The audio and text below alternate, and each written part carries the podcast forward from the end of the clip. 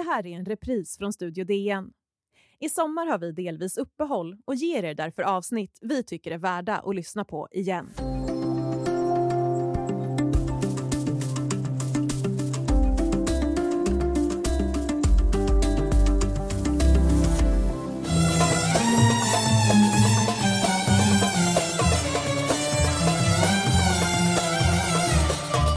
Mokhtar Al-Saids magdansklassiker Mashal.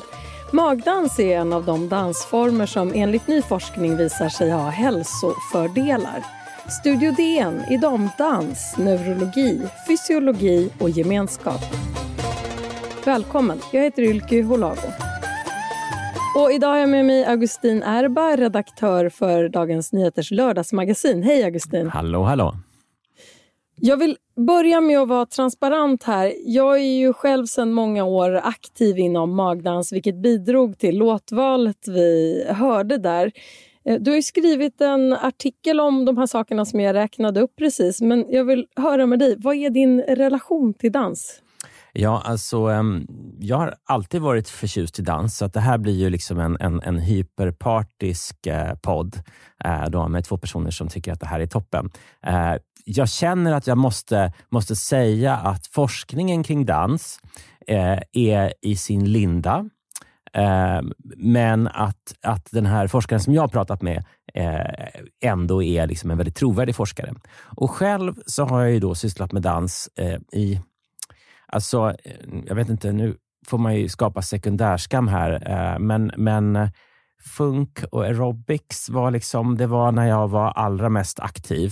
För då var det ju liksom att man gick på, på istället för att gå på, ja, vad heter det nu, vikt hantelpass eller, eller skivstångspass så gick man på funk och aerobics och, och sådär. Och några av mina bästa stunder har jag ändå haft när det dyker upp en lärare som säger så här, idag har jag sett en video med Lady Gaga och nu ska ni alla se likadana ut. Och sen så hoppar man runt. Det är roligt tycker jag. Och med den här inspirationen i ryggen så har du ju intervjuat eh, neurologen, psykologen och dansforskaren Julia F Christensen om hur dans påverkar kropp och själ. Om vi börjar med hjärnan, vad händer i hjärnan när vi dansar? Ja, alltså eh, och hon hon var, ju lite, hon var ju väldigt fascinerande att prata med för att hon var otroligt förtjust i, i, i dans själv och var på väg in i en professionell danskarriär. Och Sen inträffade liksom en Hollywood-olycka typ så att hon ramlade på ett sånt sätt så att hon inte längre kunde göra en del av de här svåra danserna som hon höll på med. Um, och Hon berättade om vikten av att, liksom, att det inte bara är... Vi uppfattar ju ofta hjärnan som någonting så här som om det var liksom en separat, ja, men ungefär som det var vår mobiltelefon som vi liksom har en bit ifrån oss. Eh, men hjärnan och kroppen är väldigt sammanfogad.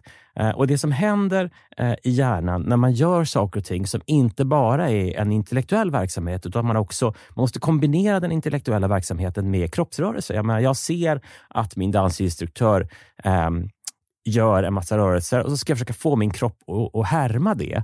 Eh, det gör att det formas eh, nya bindningar i hjärnan. Och hjärnan är ju, och Det här är en av de saker som vi, som vi har lärt oss på senare tid. Hjärnan är mycket mer plastisk eh, än vad vi tror. eller vad vi tidigare har trott. Det vill säga, och med plastisk så menar, menas alltså att den är bra på att bilda nya kombinationer. Och att, att man lär sig nya saker upp i åldrarna, det är ju en av de saker som vi vet till exempel håller demensen eller i alla fall minskar liksom, eh, eller sänker hastigheten med vilken, vilken man går in i demens till exempel. och sådana saker.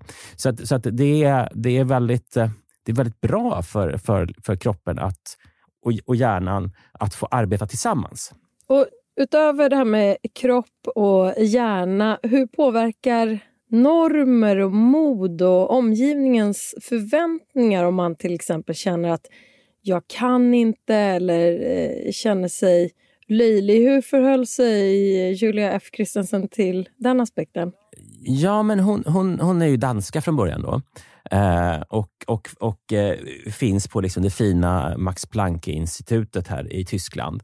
Eh, och hon, hon beskrev det som att eh, den forskning som hon hade tittat på sa att, att så fort man började liksom bli för professionell eller för bra eller för tävlingsinriktad, eh, då förlorar man en del av, av fördelarna med dans. Utan en hel del av det här handlar faktiskt mer om om de andra sakerna, eh, det vill säga alltså den mänskliga kontakten, eh, alltså koordinationen, att slappna av, sådana saker. Så, att, så att det blir lite, så att, så att ju, ju mer ju duktigare du är på dans, desto, jag ska inte säga att desto mindre hälsoeffekter har det, för det har jag inte belägg för. Men en del av de här sakerna har man inte kunnat påvisa eh, att, att det blir bättre för att man är bättre på det, utan man kan dansa bara med händerna. Det är helt okej. Okay. För jag frågade till exempel hur man ska göra om man är rullstolsburen.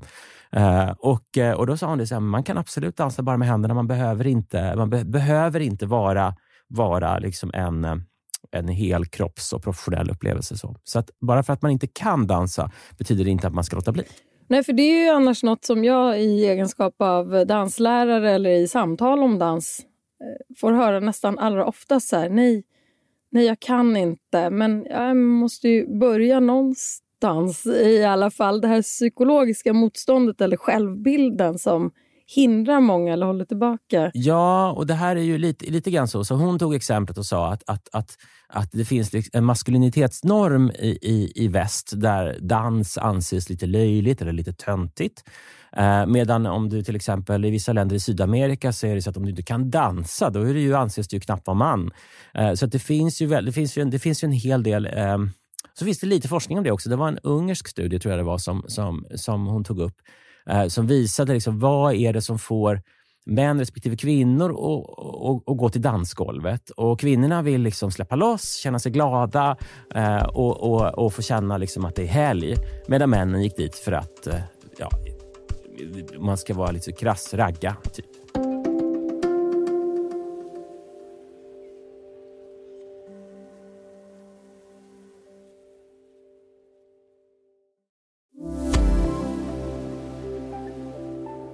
Du, I din artikel i Dagens Nyheter eh, så har du punktat upp allt det här kring eh, dans och psykologi och fysiologi.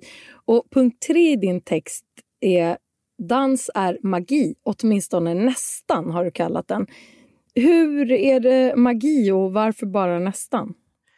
Ja, men där, då, då vill jag återvända till det här med att, att den här eh, uppdelningen som vi tyvärr ofta gör då, som hon, eh, den här forskaren eh, var väldigt, tyckte var väldigt viktigt att prata om, att den här uppdelningen vi gör mellan eh, mellan hjärna och kropp, att det är en felaktig uppdelning. Det här är ett gemensamt system.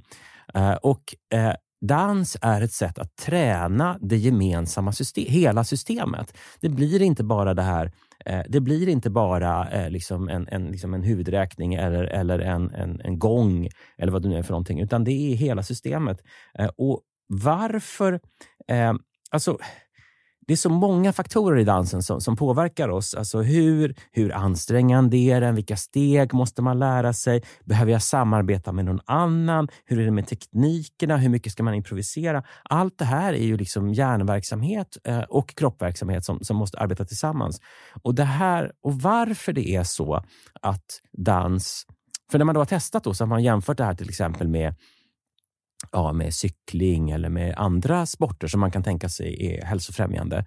Eh, men någonting är det som, i alla fall enligt den preliminära forskningen, eh, verkar visa att just dans ger lite mer fördelar. Och varför vet vi inte än. Eh, och, ehm, eller ens om det stämmer, för vi behöver göra mer och djupare studier. Men det finns ändå indikationer på att det här hela systemet, att det får arbeta tillsammans är någonting som, som som eh, är bra för oss. Och Det kan ju handla om en sån enkel sak som till exempel kroppsuppfattningen. Eh, att man liksom känner sig i sin kropp och inte som om kroppen liksom är ett onödigt tillbehör som man måste gå omkring med på något sätt. Till exempel. En möjlig magifaktor där alltså.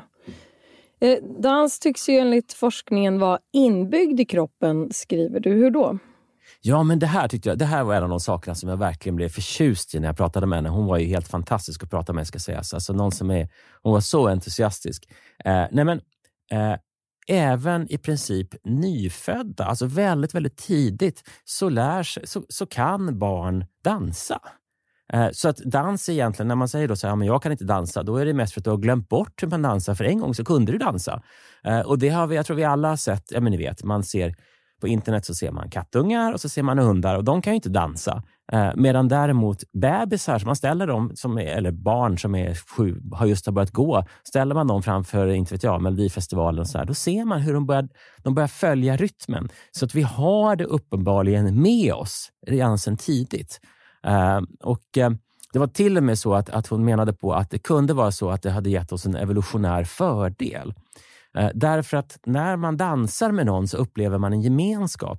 Så att de, de grupper som dansade tillsammans i, i, eh, i eh, ja, du vet när mänskligheten var ung för 200 000 år sedan, de fick en fördel för de, de kände sig närmare varandra. Eh, så. Och, det, och det, det här är ju jättespännande. Så. Det är också Hur så har man tagit reda på det i forskningen? Ja, nej men det kan man se till exempel för att några av de här grottmålningarna, vet, de här grottmålningarna som finns, de avbildar ju liksom vissa specifika situationer i mänskligt liv. Uh, och Det är jakten och det är middagen med, middagen med familjen eller med stammen. Men det är också, vad heter det, också dans. Uh, så att det här är liksom en grundläggande mänsk, mänsklig längtan att få dansa. Och Förr i världen så dansade man ju för att ja, för att ingjuta sig själv mod och så vidare. Och Det där är också lite obehagligt, därför att man kan, det här kan man, liksom, man kan ha så reverse engineering. Man kan liksom använda dansen för onda syften.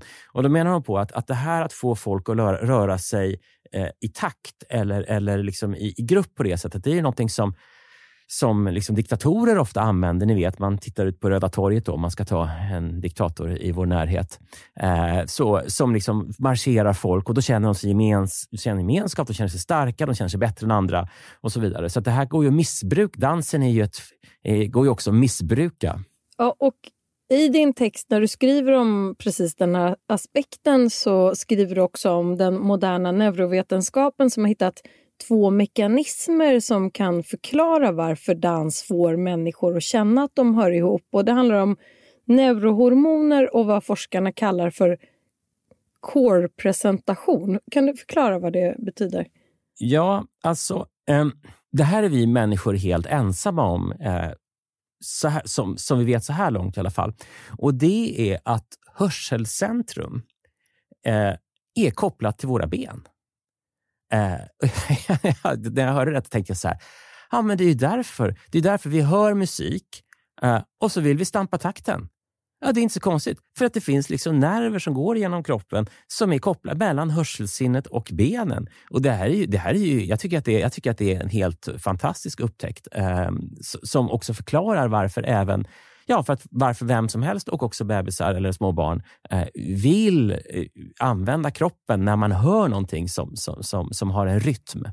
Augustin, vi ska avrunda, men eh, jag vill eh, sluta lite där vi började kring dig och din dans. Hur tar du dansen vidare i ditt liv efter att ha fått de här insikterna efter intervjun med Julia F. Christensen?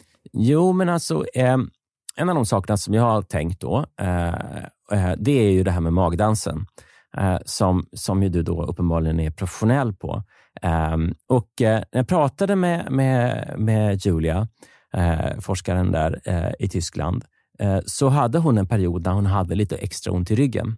Eh, och efter vårt samtal så hade hon ju påmint sig själv om just det, ja, det är ju, magdans är ju bra. Och så kom det dessutom en studie som visade, de hade då låtit ett gäng människor som hade eh, verk i ländryggen eh, gå på en sån här eh, magdanskurs.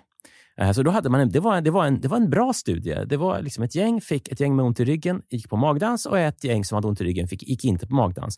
Och Det gäng som, som hade gått på magdans, de, hade mindre, de tyckte att de hade mindre ont, de behövde mindre mediciner. Sen tror jag att de blev gladare också, men det, det, det, det kan man ju bli av sånt. Eh, och Efter vårt samtal så hade den här, hade den här eh, forskaren gått på lite magdanspass och känt sig mycket bättre i ryggen, skrev hon till mig efteråt. Så att ehm, jag tycker du får väl utbilda hela poddgänget här i, i magdans så, så slipper vi få ryggvärk när vi sitter vid våra kontorstolar.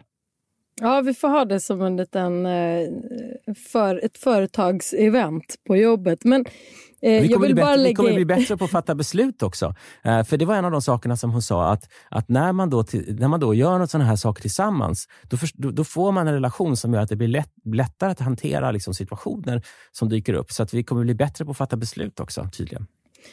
Ja, men jag vill bara lägga in en brasklapp här apropå magdansträning och eh, ryggverk. Det där beror jättemycket på hur man tränar. Så att de här personerna i studien måste ha haft en, en bra lärare och en bra metod som de har följt eh, också. Det finns en, ytterligare en rolig sak med dans.